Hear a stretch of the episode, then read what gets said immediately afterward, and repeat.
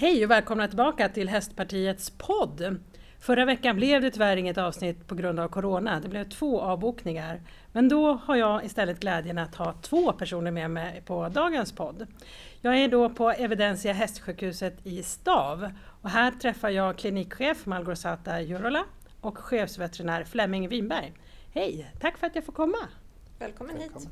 Tack! Jag tänker, kan inte ni berätta lite om er själva? Ska du börja? Mm. Jag heter Maugorzata men kallas för Gola. Eh, jag är legitimerad djursjukskötare från början och har jobbat på hästsjukhuset i Stav sedan 2006 men har jobbat med djursjukvård sedan 1998. Eh, jag är klinikchef här eh, och har en del administrativa uppgifter men jag jobbar till 80% kliniskt. Väldigt mycket med narkos jag är fälttävlansryttare och har ridit på landslagsnivå eh, men eh, hobbyrider lite mer nu. Har en häst som jag tävlar med. Vad har du för häst då? Jag har en enögd häst som mm. heter Jack Sparrow som är en 11-årig holsteiner. Ja, och då rider du på dem. Men jag tänker när man jobbar kliniskt mycket med narkos, då är det väldigt mycket operationer då som... Hur stor del av en dag eh, opererar ni? Eh, vi opererar ju som det ser ut idag två dagar i veckan mm. och då är det ju heldagar så vi kör igång vid sju och är klara vid fem, sex, sju lite beroende på eh, hur dagarna går. Det är ju lite så med, med djur att man kan inte förutse att allting alltid går som man har planerat utan ibland tar det längre tid och de vill ta längre tid på sig att vakna och så. Mm. så att, eh, det, är, det är en svårplanerad bransch det här och man jobbar tills jobbet är klart. Mm. Men jag tänker, hur många operationer gör ni på ett ungefär på ett år? Eh, vi opererar ungefär mellan 250 till 300 hästar per år. Eh, så det är ganska många. Lyckas alla operationer? Ja, det ska man väl säga. Sen är ju narkos på häst en ganska eh, en bransch med lite riskmoment men vi har väldigt goda förutsättningar och väldigt duktig narkospersonal och väldigt duktig kirurg och eh, bra maskiner och så. Så att eh, vi har väldigt, väldigt god statistik. Men det är ju alltid en risk att söva en häst för det är ett väldigt stort djur. Mm. Mm.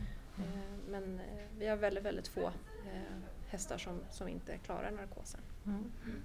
Ja, och då jobbar du här på Stav i Haninge. Bor du också i Haninge? Nej, jag bor på Värmdö. Mm -hmm, det är en bit att åka. Mm, det är en bit att åka. Ja, du är välkommen hit. Tack! tack. ja, och så har vi Flemming Winberg, chefsveterinär Ja. Är det du som är liksom hövdingen här? Ja, det är jag inte. Nu försöker jag ha Gåla som hövding med, mera i det dagliga. Men eh, jag har, eh, ja, eh, jag är veterinär eh, för, och jag brukar säga att jag är veterinär för att jag jobbar med hästar. Jag jobbar inte med hästar för att jag är veterinär. Och det här formulerade jag ungefär när jag var 14 år gammal. Eh, då var jag i Amerika och en sommar och bestämde mig för att jag skulle bli stuterichef för då kunde jag få jobba med hästar. Eh, och eh, sen blev jag veterinär och eh, har varit veterinär i snart 37 år. Wow! Ja, länge. Mm. jobbade först på Irland, höll på med stuteriverksamheter. sen så jobbade jag i Danmark ett par år och sen var jag i Helsingborg på regiondjurssjukhuset där först som klinikveterinär i sju år och sen så som chefveterinär och chef för hästsjukhuset i sju år. Sen lyckades vi få in en VD för att eh, som veterinär så ska man göra det man är bra på. Tyvärr så ofta så blir det så att man får göra en massa andra saker eh, och eh, det är inte optimalt tycker jag. Eh, och sen har jag, var jag en stint i Uppsala på Veterinärhögskolan där jag var chef för hästsjukhuset. Och eh, sen sex år så är jag här på Stav. Och eh, det är väl ett av de bästa val jag har gjort. Det är kul, det är en liten organisation med väldigt vältrimmad och, ja, och vi har roligt när vi jobbar. Och vi har väldigt bra kunder. Härligt! Mm. Hur många är ni som jobbar här? Vi är eh, totalt 12 stycken om man räknar med våra hovslagare och vår hästfysioterapeut. Caroline. Mm. Så då är det veterinärer, det är djursjukvårdare, hovslagare och, och en hästfys. Precis. Aha. Hur vet ni liksom eh, hur många ni ska vara?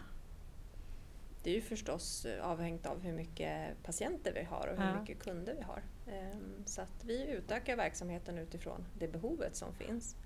Sen är det ju vissa, vissa delar av verksamheten som kräver mer eh, personal.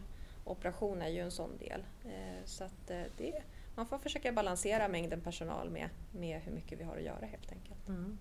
Har ni märkt av någon skillnad nu under Corona? Jag tänker att det är väldigt många fler hästar som har sålts och eh, ja, många jobbar hemifrån och kanske har mer tid att vara i stallet. Har ni märkt av en ökning här på kliniken? Det har vi absolut gjort. Vi har haft väldigt mycket att göra. Eh, Det var precis en liten eh, sväng där i våras, eller förra våren när, när eh, det var många sjuka och så som vi hade en liten dipp men annars har vi haft väldigt mycket att göra. Jag tror att folk har passat på lite när de ändå är hemma och de får hjälp att köra och, och hjälp att lasta och sådär.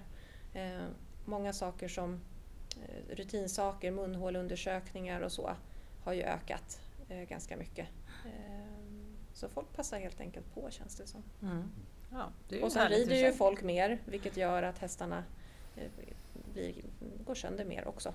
Det är Mm. också en, en del av det. Att eh, man tittar på sin häst varje dag och man rider mer än vad man kanske gör när man jobbar fullt och Just inte det. är hemma. Mm.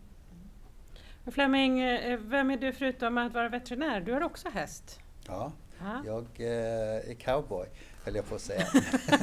Det sitter i från när du var i USA. Ja, nästan så. Eh, men den gången fick jag omdömet att eh, jag var bra med hästar, men var, jag var ingen cowboy. men eh, jo, jag rider reining som är en västerngren, Mm. alltså en slags västerndressyr. Så jag har en eh, liten quarterhäst som är nu fem år. Eh, lite vild men snäll och eh, ska börja tävla den på riktigt i år. Mm.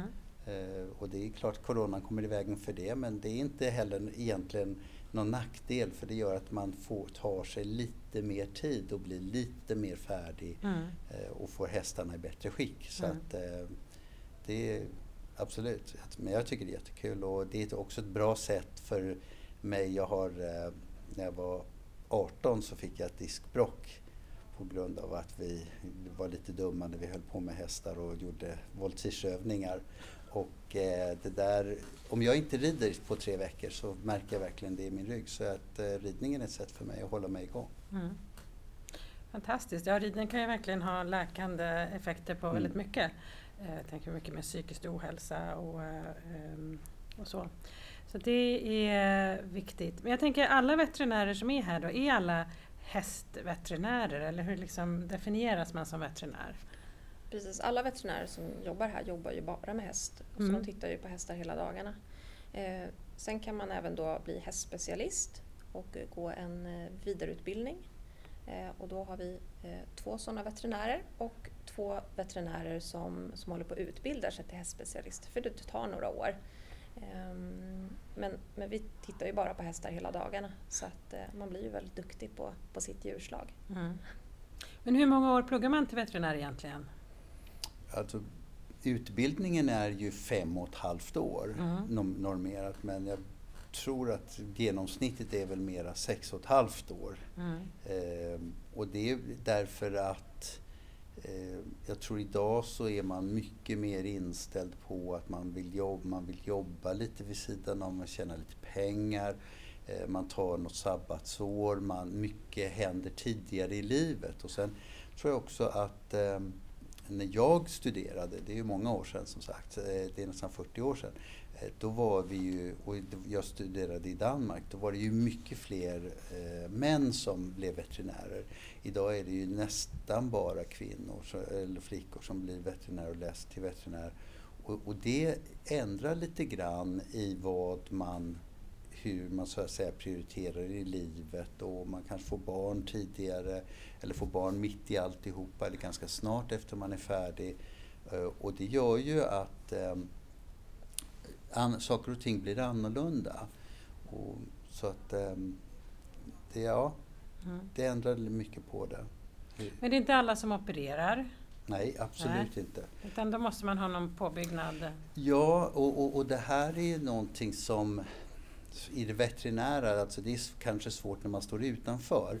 Men, men eh, när, som, i, när man blir läkare till exempel, då går man ju sin AT-tjänst mm. och sen så efter det går man in i ett specialistutbildningsprogram som är blir man kirurg eller allmänläkare eller med invärtes medicin eller vad det nu är för något. Ehm, som veterinär så finns det också den typen av utbildningar men det blir väldigt tidigt i livet och det är väldigt, väldigt specialiserat. Och sen har det blivit, när jag var ung veterinär då, då fick man sin utbildning och sen så jobbade man på ställen för att få erfarenheten. Det var innan de här specialistutbildningarna kom. Ehm, idag är det, har man specialistutbildningar som gör att man så att säga blir specialist utav specialistutbildningen. Eh, men när man är färdig har man ganska lite erfarenhet. Där vi då som gick så att säga, den gamla skolan, vi hade lärt oss väldigt mycket redan när Grunden. vi... Ja, precis. Och sen så lärde man sig. Och det där blir lite av ett problem idag därför att det är ganska få som faktiskt kommer in i den här världen med att operera. Och det, för att bli, det är som med allting annat. Om man ska bli bra på att spela golf, då måste man spela mycket golf. Om man ska bli bra på att operera, då måste man operera mycket. Mm. Man måste vara med, man måste se, man måste... Och framförallt så är det lite så här idag att man, det är nästan, inte förbjudet, men det, det är nästan otillåtet att så att säga prova på och att saker och ting går fel. Eh, eller inte blir helt perfekta ska jag säga. För det är oftast inte så att det går fel. Men det kanske inte blir helt perfekt eller det tar lite längre tid. Och det där, det, det, är lite av ett eh, problem för, för de unga veterinärerna som vill då till exempel utbilda sig. Va? För att de kommer inte riktigt, får inte möjligheten att vara med och, och lära sig. Och ibland så är det ju minst lika viktigt som att ha den teoretiska bakgrunden. Man måste ha det teorin men man måste också ha den praktiska kunskapen för att göra saker. Hur ska man komma till bukt med det här då? Ja, det är, ju, det är ju ett problem men jag tror att det är mycket mer så att vi måste hitta ett sätt att där det faktiskt är tillåtet att operera även om man inte är superspecialist. Eh, och eh, man har ju de här diplomats som man kallar dem, alltså man har ett diplom från ett college som är för veterinära kirurger. Det är ungefär samma sak inom läkeriet mm. och medicinen i veterinärmedicin. Och så. Eh, men, men, man måste låta fler komma till. Men sen är det ju då också så att det finns inte så hemskt många hästar och det finns inte så många eh, ställen man har duktig personal som kan söva. Och, och vi har ett problem i att till exempel djursjukskötarna som är utbildade i ganska låg grad faktiskt vill och vågar hålla narkos. Mm. Så Gola är ju egentligen ett unikum i det här därför att hon är inte rädd. Och vi har Anna också här som är jätteduktig på att söva. Som, men men de, de, och de kan ju göra det här själva, självständigt och, och vi bollar vissa saker. Men de är väldigt, väldigt duktiga. Um, men de flesta blir inte det och får inte riktigt självförtroendet. Och då blir man lite rädd och lite försiktig eh, och, och, man tycker det är otäckt att söva. När jag började till exempel, då, då var ju de som sövde, det var ju djursjuk, djurskötare som det heter idag. Eh, och de kallades djursjukvårdare och hade gått en utbildning men det var kortare utbildning men de var väldigt duktiga och de lärde sig genom att jobba med det. Mm. Idag är det så, och så var det så att den gången var ju inte narkos och allting så övervakat och, och hästar dog och, och, och, och saker och ting. Jo, men det är ju så att saker och ting händer va? och när, när hästar dör så är det ju oftast inte så att det är någon som har gjort någonting fel. Va? Utan det, det är sånt som händer. Mm. Det är samma sak som när människor dör under en operation det är ju inte för att någon gör någonting fel utan det är för att någonting går fel. Mm. Eh, och, och, och, den här människan kanske har något problem som inte kanske har synts eller någonting händer i kroppen som överraskar och som gör att det går fel. Och, och, och, så är det lite grann med det här med hästarna också. Det är väldigt stora djur, de är väldigt känsliga och det måste gå ganska fort. Mm. När, vi, när, när, när vi väl lägger hästen i narkos och lägger den på rygg till exempel, som är helt upp och ner för hästen. Mm.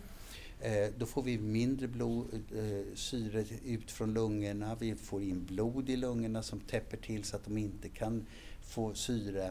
Så att det gäller liksom att när man opererar så måste man vara ganska snabb. Och det där måste man ju liksom träna upp sig med mm. och ha hjälp med. Och vi jobbar ju väldigt mycket så att vi jobbar under handledning och vi försöker ha en utbildande miljö här. Och att det ska vara, vi jobbar som team och försöker att inte ha ett prestigesystem eh, utan vi försöker vara väldigt prestigelösa och Flemming som är superduktig och supererfaren kirurg, han handleder ju våra yngre veterinärer. Mm. Eh, och, och, lär dem på ett, på ett bra sätt under handledning. Och det tror jag är jätteviktigt, att man, man vågar släppa in sina yngre veterinärer och vara med och se och göra och prova själva.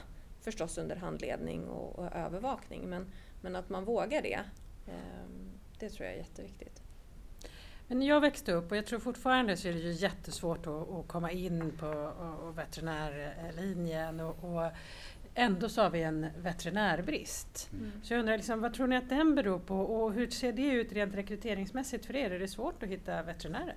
Det är svårt att hitta veterinärer och det är ännu svårt, svårare att hitta legitimerade djursjukskötare. Mm. Eh, och det är ju så att när det gäller häst så är det ju bara legitimerade djursjukskötare som får eh, söva hästar.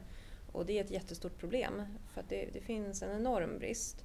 Och det är brist på utbildningsplatser skulle jag säga. Det finns ett enormt intresse eh, och det är väldigt, väldigt många sökande på varje plats både på veterinärutbildningen och på eh, den legitimerade djursjuksköterutbildningen. Mm. Så att man behöver utöka antalet platser helt enkelt. Det skulle jag säga är det största problemet. Mm. Sen handlar det ju också om att eh, jag tror att när det gäller veterinärer så behöver vi vi behöver börja vara snälla mot varandra. Det är många veterinärer som inte, eh, som inte pallar att jobba som veterinärer på grund av drev i sociala medier och på grund av den pressen som man sätts inför. Eh, och där har vi, tycker jag, allihopa ett ansvar att tänka oss för hur vi, hur vi uttrycker oss, eh, eh, framförallt i sociala medier. Att man istället väljer att om man är missnöjd med, med någonting som har gjorts på ett ställe, att man kontaktar den kliniken istället för att hänga ut enskilda personer eller kliniker på sociala medier. För det gör, det skapar ett tryck på de yngre veterinärerna och det är många som, som inte till slut orkar mm. och vågar jobba som veterinär på grund av det trycket. Man är rädd för att man ska bli uttänkt för att man, någon tycker att man har ja. behandlat fel. Ja. Mm. Man får ju intryck, alltså för, för den unga veterinären som, som är osäker det, så, så är det ju när man hängs ut på Facebook eller någon annanstans så är det ju väldigt synligt och, och, och, man tar det väldigt mycket till sig. Och, och jag brukar, vi, vi pratar ju ofta med våra unga veterinärer och, och då, som jag brukar säga, om du gör det som vi ber dig om att göra så kommer du aldrig hamna i ansvarsnämnden. Därför att du kommer aldrig bli fälld. Du kan hamna där, men du kommer aldrig bli fälld därför att det är, ja, man blir fälld när man gör någonting som är fel. Mm. Men det, bara för att någonting går fel, fastän man gjorde rätt, eller någonting annat händer, så har man inte gjort fel. Nej. Och det är den tryggheten man måste få. Mm. Att känna också att det här teamet står bakom en. Att vi, vi som arbetsgivare eller chefer, och, så att vi står bakom och att vi, det är faktiskt så att om någonting, någon angriper dig så kommer vi att stå med dig. Och, och det här är någonting som inte riktigt tyvärr lärs ut på skolan. Utan man, det, man skräms lite grann och man har eh, eh ibland får man känslan att det finns en inställning att Nej men du vet, om du blir anmäld så är du på egna ben. Och så är det ju aldrig. Nej. Det är ju aldrig någon som skulle bara så här, man droppar ut i, i, i, i det vilda utan händer någonting så, så är det ju någon annan som har varit där också. För jag menar, så är det i vår grupp. att jag menar, Har man problem så frågar man. Och sen kan saker och ting gå fel. Vi, jag har ju varit med så länge så att vi har opererat ut jättemånga kanyler ur leder och ben och sånt så, som har gått av. Och det är ju inte för att någon har gjort fel. Utan det är för att hästen har gjort någonting och till exempel eh, de har ju senhinnorna till exempel, de, de kan skära av en kanyl. Mm. Eh, alltså en stålkanyl. Va? Det, mm. De är inte så tjocka, de är en millimeter tjocka, de vi använder. Men alltså sådana saker händer. Mm. Men det betyder inte att veterinären gjorde något fel eller att det var något fel i alltihopa. Utan det är sånt som händer därför att vi arbetar med stora djur som väger 500 kilo. Och som är, när de drar iväg så händer saker fort och man kan bli illa skadad. Men vi är enormt förskonade därför att de här djuren är så snälla. De flesta av dem är otroligt underbara och snälla djur. Mm. Så att eh, det, det, många, mycket av det är eh, lite grann att man invaggar folk i, i, en otrygghet istället för att invagga dem i en trygghet skulle jag vilja säga. Man måste förstå att ja, men, vi som chefer, vi som i hela sjukhuset, var man än jobbar eller kliniker, står ju bakom en. Alltid. Va? Det, det måste vara grundstommen i det. Mm. Det får inte vara så att man bara hängs ut och, och släpps. För, och så är det inte. Så, jag har aldrig upplevt det. Eh, men, det är många veterinär, yngre veterinärer som är rädda för det. Och ja. Man får ju tänka också att det här blir man veterinär idag då har man tagit sig igenom ett nålsöga. Det är så pass svårt att ta sig in på veterinärutbildningen. Så det är extremt högpresterande människor som har otroligt stora krav på sig. Och det tycker jag kan vara det svåraste att hantera som chef. Att folk har, och det är ju oftast då unga tjejer, har så otroligt höga krav på sig själva och vill att allting ska ske liksom exakt som de har tänkt och perfekt. Och det är ju inte alltid så. Nej. Och får man då dessutom ett påhopp av någon eh, så, så, tar det tror jag, extra extra hårt. Mm. Så det är superviktigt att man känner att man har det här skyddsnätet som Flemming pratar om. Men om man nu, det börjar ett drev mot eh, en eh, av veterinärerna. Eh, jag tänker det kan ju dra ner ryktet för hela kliniken. Mm. Hela Absolut. Och det som är svårt där det är ju att vi har ju tystnadsplikt så vi eh, kan ju inte kommentera eh, fall helt enkelt. Och det gör ju att vi är lite bakbundna. För att det behöver inte alls vara som den här eh, personen påstår utan eh, saker och ting kan ju se fullständigt annorlunda ut. Mm. Och vi kan ju inte mer än i väldigt allmänna ordalag eh, kommentera. Mm. Eh, och därför så tycker jag att jag, jag ser hellre att man tar kontakt med kliniken i fråga och diskuterar med den som är personalchef eh, än att man, man tar det den här vägen. För det, det gynnar ingen att göra så tyvärr. Nej, verkligen inte. Men har ni någon form av sån uppföljning? Jag tänker kundundersökningar eller liknande? Absolut, vi har en årlig kundundersökning som, ja. som går ut till, eh, till kunder under en viss period på året. Då, har vi. Ja, jag tänker just, eh, eller man har Ibland är det lite för många sådana här undersökningar. Man ringer ja. Folksam och man ska svara på tusen frågor eller vad det nu är för bolag. Eh, men jag tänker ändå kan det ändå vara bra. Så här, var du nöjd med besöket? Eller var det något Absolut. Annat, liksom, så, så, eh, då kanske det är lättare att faktiskt eh, mm. svara direkt än att mm. Ja, det är klart. Det är väldigt lätt för många att skriva saker i affekt i sociala medier. Det har vi märkt i många olika fall. ja. det, och det är ju så. Det är ju tyvärr så att man fungerar ju så som människa att man har 99 procent nöjda personer mm. och så har man en procent som inte är nöjd och då är det ju den procenten man fokuserar väldigt mycket mm. på och tar åt sig väldigt mycket mm. av. Det är viktigt att komma ihåg att vi träffar ju, eh, vi pratar inte om oss, men generellt, att vi träffar ju allihopa mm. väldigt många människor som är supernöjda. Mm. Men det är lätt att man snöar in på de här som, som då av olika skäl inte är det. Mm. Men jag tänker ibland så eh, är det ju så att man kanske inte kan ha kvar sin häst. Mm. Eh, och jag tänker, ni måste ju träffa en hel del väldigt ledsna människor också. Ja. Mm. Har, har man liksom utbildning för det eller är det något man gör, övar sig på? Eller? Ja, vi, det, det, är lite trial and terror. jo, men det, det, är ju så.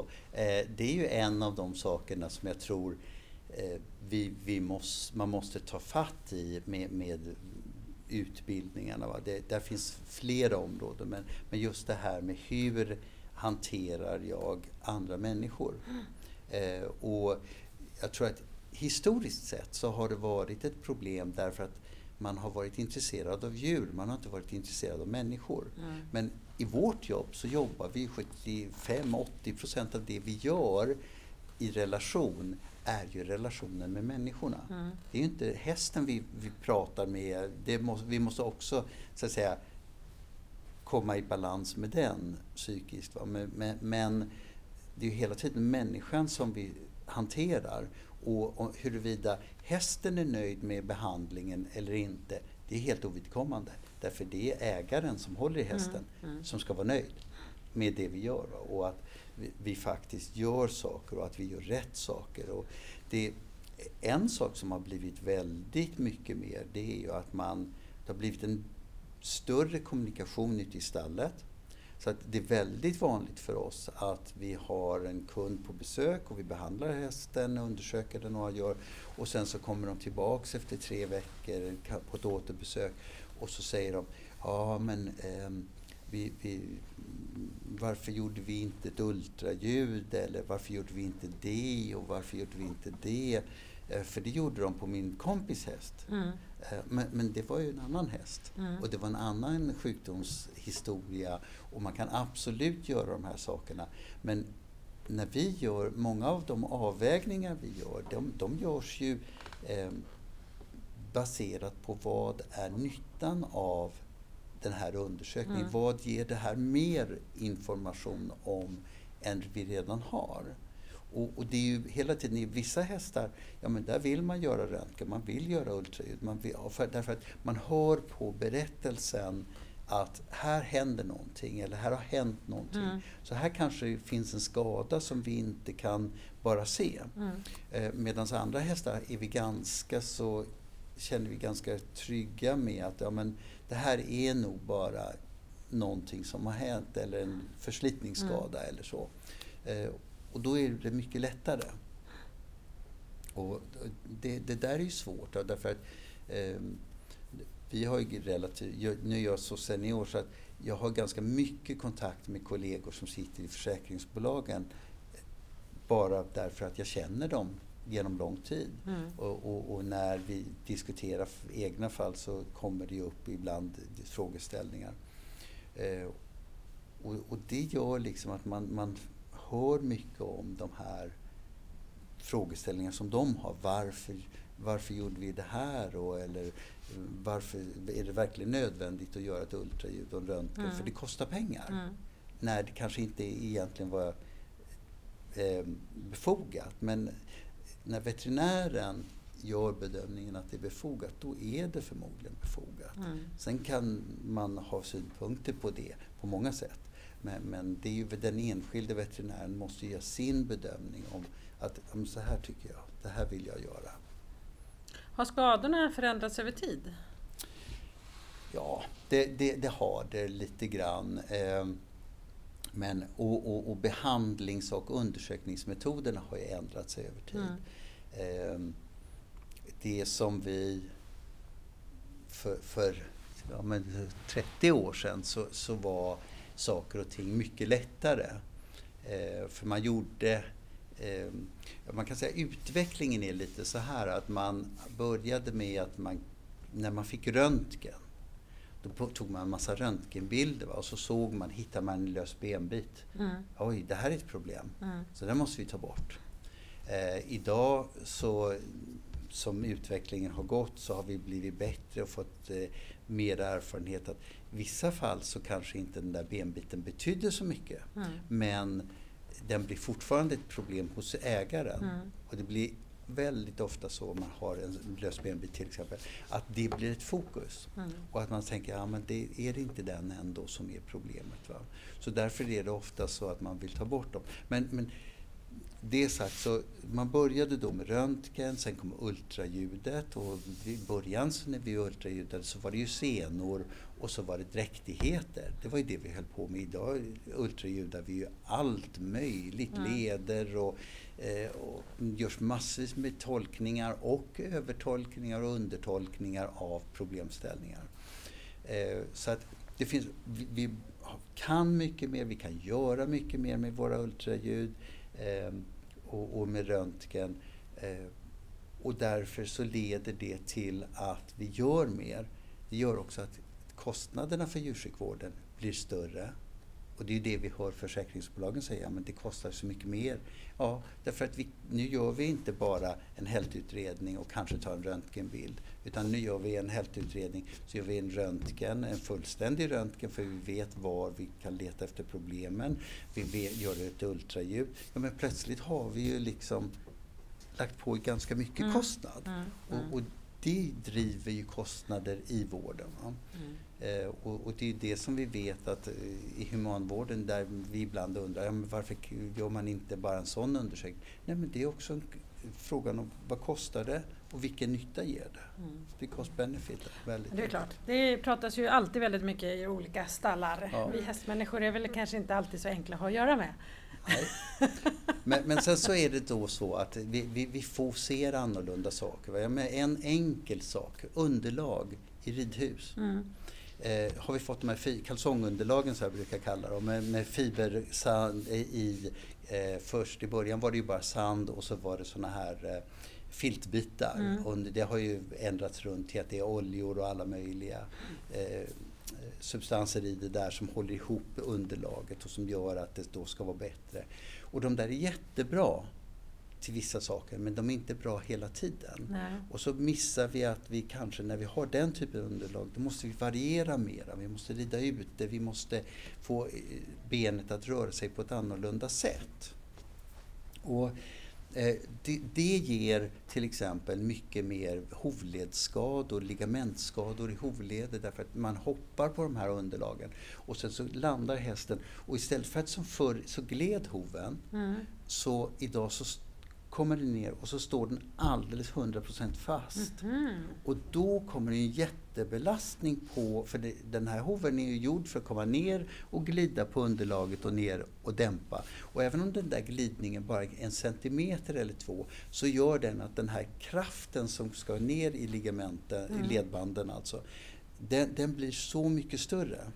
Och till exempel det ger svåra, mycket mer besvärliga skador. Mm. Så det är en av de här små sakerna som vi ser påverkar våra, vår skadebild. Eh, vi tycker att vi gör något bra för hästarna. Eh, och det är väl en av de sakerna man ska tänka på mycket, att man ska variera sina underlag mm. när man rider. Mm. Rid ute, rid inne, rid på utebanan. Rid. Det är svårt på vintern, mm. men har man möjlighet att åka till ett annat ridhus då och då, gör det. Mm. Därför det är bra. Det är ju också så att hästarna har ju förändrats. Ja. Alltså, våra hästar är ju inte som de var eh, under arméns tid utan vi har sporthästar idag som, som är pigga, som är mycket mer vakna vilket gör att jag tror att någonting som har förändrats mycket det är att folk rider ju inte ute lika mycket som man gjorde. Och jag mm. som fälttävlansryttare, man kuskar ju runt på, på vägar och, och bygger kondition. Men det kan jag säga som står i stall att folk är rädda för att rida ut för att hästarna är för pigga. Och, mm. eh, de, så det tror jag har förändrats vilket mm. gör att vi får ju andra typer av skador då när hästarna inte går på olika underlag utan de rids mycket i ridhus, mycket på fibersand. Mm. Eh, och att man då kanske ska tänka att man utmanar sig själv kanske att rida ut eller om man har en väldigt pigg häst att man tar hjälp av någon så att hästen får komma ut ordentligt. Mm. Eh, så det att, liksom att hästen har förändrats det har ju lett till att skadorna också har förändrats mm. förstås. Mm. Men det här med att ha en hel häst det är ju en dröm men det händer ju alltid saker. Men har ni några liksom tips till en hästägare? Liksom, hur ska man hålla sin häst hel så, så gott som möjligt? Varierat underlag vi var inne på. Mm. Finns det något annat? Varierad träning. Varierad träning? Alltså att inte... Typexempel är så här, förr så, när, när jag var pojke då var det ju en naturlig sak att en häst gick eh, dressyr och fälttävlan, där gick den upp till medelsvårt. Sen började man specialisera sig. Alltså en häst, häst som gick medelsvår hoppning, det gick ju medelsvår dressyr. Mm. Det var liksom nästan som en självklarhet. Idag är det ju inte alls så, utan om, om de kan gå en eh, lätt A-dressyr så, så är det nog bra, en hopphäst. Mm. Och omvänt. Va? Så det, det, jag tror att eh, eh där är väl en sak som vi faktiskt eh, har, har, vi har blivit lite väl specialiserade och det hänger ju samman med det som Gola säger att eh, det är vi, vi, är, vi har en ny sorts häst, den är väldigt pigg. Vi, mm. Och sen är man väldigt rädd för att åka av. Va? Förr så åkte man ju av. Eh, och det var ju bara en fråga om att försöka hålla det som till så få gånger som möjligt. Men, men jag tror att vi har, det, det, finns liksom en rädsla idag att, att man, därför att man slår sig, va? det gör man. Men förr så slog jo, tack, man sig. Jag vet. Du vet det själv. Men, men just det här att Ja, det gör jätteont att åka av och ju äldre, jag är nästan gammal gubbe va? och, och, och det, man slår sig ordentligt när man åker av nu. Så det, man, det är så här lagom kul. Ja, min häst är ganska så pigg och, och alert och så. Men, men det gör att man, man, man är ju, blir ju försiktig. Va? Mm. Och, Sen tror jag mycket att, att man ska använda sig av det som vi kallar för profylax, alltså förebyggande arbete. Ja. Mm. Att man har ett team kring sig och sin häst. Att man har en duktig hovslagare, att man har en duktig tränare eh, eller en person, då, eh, en mentor som kan hjälpa en med, med träning och, och hästhållning. Eh, att hästen får förstås daglig utevistelse. Eh, men också att man är noga, att man en gång om året tittar igenom tänderna för att upptäcka eh, saker i tid. Att man en gång eller två gånger om året gör en, en vetcheck hos en veterinär som känner ens häst, som vet vad normalläget är så att man tidigt kan förebygga om det är någonting som är på g att hända. Ehm, så det tror jag är jätteviktigt att vi behöver ha små team kring oss och våra hästar för att, för att förebygga och för att upptäcka små, små saker som kan bli stora saker om man inte gör någonting åt dem. Mm. Men som man kan lösa snabbt och enkelt om man, om man bara är ute i god tid. Mm. Och, och, det som går att säga här, det är jätteviktigt och, och, och framförallt också att det spelar inte så stor roll om det är någon expert eller fancy veterinär som är känd från landslaget. Utan det viktiga är att veterinären faktiskt känner ens häst. Mm. Och att man får en kontinuerlig kontroll. Att det är någon som känner hästen och vet hur den var förra året och har sett den gång på gång på gång. Och det kan, ibland är det bättre att det är den veterinär som brukar titta på hästen som gör den kollen. Eh, och som säger, ja men jag tycker det ser bra ut eller, nej men vet du vad, det här ska vi kolla upp. Va? Därför att det handlar så mycket mer om att se små förändringar i hur var det, hur var det förra året, hur är det nu? Mm. Och, och, jag jobbade i ett antal år med fälttävlanslandslaget och då kom ju hästarna ofta på besök då, kanske någon gång varannan månad eller så. Men då lärde man sig också känna de här hästarna och då visste man, ja men den har en, eh, en engradig böjreaktion på ett ben till exempel. Och det har den alltid och det mm. blir inte bättre om vi behandlar. Men den har två grader efter en tävling. Då ska vi vara lite mer uppmärksamma mm. för nu är det en förändring. Mm. Och, och, det är de sakerna som är viktiga och det, det är vi inte riktigt vana vid som så att säga, amatörer i ridsporten. Va? Att vi faktiskt har den kollen. Mm. Men det gör ju att vi fångar otroligt mycket saker och de allra flesta hästarna fångar vi ingenting på. Men väldigt det är ändå en ganska stor del som där vi, ja men plötsligt är det böjreaktioner, plötsligt är det öm. Och speciellt de här unga hästarna. Vi tenderar ju att köpa tre fyraåringar och så rider vi dem och så går, blir de fem och så blir de sex och så händer det saker. Mm. Och det där måste man liksom, om man då passar på och, och motar Olle i grind lite grann, ja men då har vi kanske en möjlighet för att få hästen att fungera under en längre period. Mm. Hörrni, mycket eh, med hästar handlar ju om hästar och, och människorna och så vidare. Men en hel del saker är ju också politiska beslut hur man ska kunna förbättra för hästnäringen. Mm. Så jag tänkte om ni skulle liksom sadla om imorgon och bli minister, vad skulle ni bestämma för att förbättra för hästnäringen? Vem vill börja? Nej. Oj, det var en eh, svår eh, fråga skulle jag säga. Ehm, jag vet att det idag håller på att tittas över det här med konsumentköplagen till ja. exempel. Och det är ju ett problem som vi upplever att många av våra djurägare har vid köp och försäljning av häst.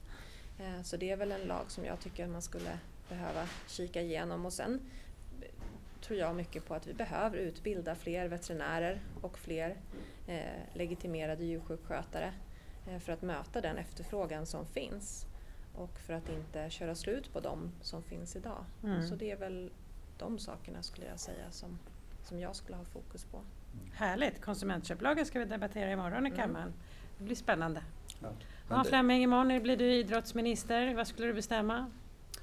ja, men det, det är mycket som Gola säger att eh, den här konsumentköplagen är ju ett jätteproblem. Därför det, det, det skapar en massa eh, konstigheter runt sig. Mm. Man, vi ser ju det, man, man kommer efter ett år och nio månader med en häst därför att man tycker inte den uppfyllde, den blev inte så bra som det vi tänkte. Va? Eh, och, och det här är ju typiskt ridhästar. Va? Om du tittar på en travhäst, köper du en travhäståring och den inte blev något bra, Mm. så vet jag att det är ju jättemånga av de här hästarna som aldrig blir bra. Mm. Men när man köper en dressyrhäst till exempel, ja men då har man köpt den för att den, den ska gå Grand Prix. Och det har ju ingen en aning om. Va? Vi har 300 000 hästar i Sverige. Om, kan, om, om det finns 300 hästar i Sverige som går Grand Prix så är det väldigt högt räknat. Jag Mm. skulle säga att det är Mm. hälften av det. Och det betyder att det är ju en halv promille max som häst, av hästarna som kommer dit Mm. eh, och blir så bra. Och därför så är de flesta runt mitten, de blir inte så bra. Och ibland så har vi, och konsumentköplagen då, den öppnar ju då för att, ja men faktiskt eh, försöka hitta ett fel på hästen och så lämna tillbaka den. Mm. Så det, det tror jag är det, det, en av de viktigaste sakerna för ridsporten och näringen. Eh, sen finns det ju andra saker. Eh, travsporten skulle må väldigt bra av att eh, få en and, större andel av den vinst som ATG eh, till exempel drar in. Det är ju ganska mycket vinst man har eh, ur ATG som inte kommer sporten till godo. Där man kunde säkert kanalisera mer pengar in både i travsporten och galoppsporten men också kanske till ridsporten. Mm. Så att eh, det är sådana saker som jag tror skulle vara viktigt. Därför att eh, det behövs in pengar Mm. i, i, i sporten. För att annars så blir det väldigt svårt att få elit. Alltså vi måste ha basen som är grund, den vanliga ryttaren. Men så måste vi också ha eliten. Och, och det där måste vara en bra py- pyramid. Och idag är det ingen bra pyramid utan det blir ju väldigt spetsigt i toppen. Mm. Och det får en bredare pyramid. Det blir ju nästan som en radioövergång till nästa veckas eh, avsnitt för då ska jag nämligen eh, sända ifrån Vången. Mhm. Där är det mycket travhästar. Ja. Ja, hörni, stort tack för att jag fick komma hit. Det känns som att vi skulle kunna sitta här i flera dagar och prata och jag vet att ni har lite annat att pyssla med. Och jag med faktiskt. Eh, Men jätteintressant. Och, ehm, är det någonting mer som ni skulle vilja skicka med till de som lyssnar? Ja, jag har en sak som Ja. jag skulle vilja skicka med till alla hästägare.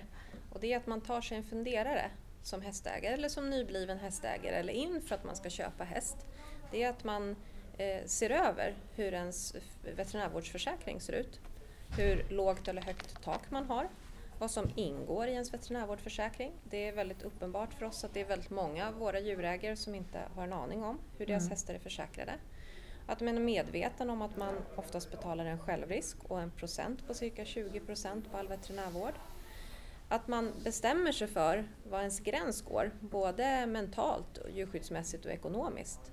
Eh, om hästen klarar av den eftervården eller rehaben efter den, den sak som man nu tänker att den ska utsättas för. Om det är till exempel en kolikhäst som ska buköppnas. Ehm, hur mycket man själv vill lägga om kostnaderna överstiger det som ens veterinärvårdsförsäkring täcker. Mm. Eh, Det är väldigt vanligt att vi står inför djurägare som kommer in med akut sjuka djur som aldrig ens har funderat på vad de skulle vilja göra eller inte göra ifall olyckan är framme. Ehm, Och det är ju så att veterinärvården idag är, precis som vi har pratat om, väldigt högkvalitativ med många resurser och modern utrustning och diagnostik och det kostar tyvärr pengar. Så att det är bra att man har ett hum om eh, va- var man vill landa någonstans Mm. så att man, så att man eh, har en, både en ekonomisk och mental gräns helt Mm. enkelt.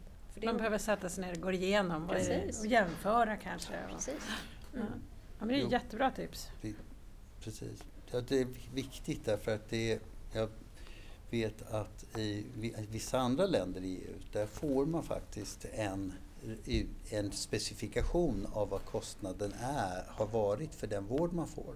Mm. Och till exempel har du ett för tidigt fött barn så kostar det kanske 100 000 kronor om dagen. Mm. Det tänker vi inte på därför vi betalar våra 400 kronor när vi går till doktorn mm. och sen så är det that, that's it. Eh, I veterinärvården så är det inte så att det finns någon stat som betalar. Vi, mm. Det är inte någonting som alla gemensamt delar på utan här är det faktiskt någonting som vi den, det enda som vi delar på där det är ju våra försäkringar. Mm. Men det gör också att kostnaderna blir mycket, mycket högre för vården av hästarna och djuren överlag. Och det är därför det är många som blir så chockerade och när de får en räkning för vård mm. på djuren. Precis som Gora sa, man måste förbereda sig, vare sig man har häst eller hund eller så, så måste man faktiskt vara förberedd på vad kostar det här egentligen? Och det kostar mycket pengar. Mm.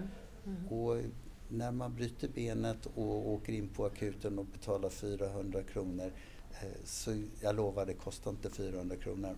Nej, en liten slant till. Ja, hörni, stort tack för att jag fick komma hit. Och um, Nästa vecka så kommer vi i Hästpartiets podd då som sagt sända ifrån Vången så att uh, håll utkik efter nästa avsnitt och tack för idag.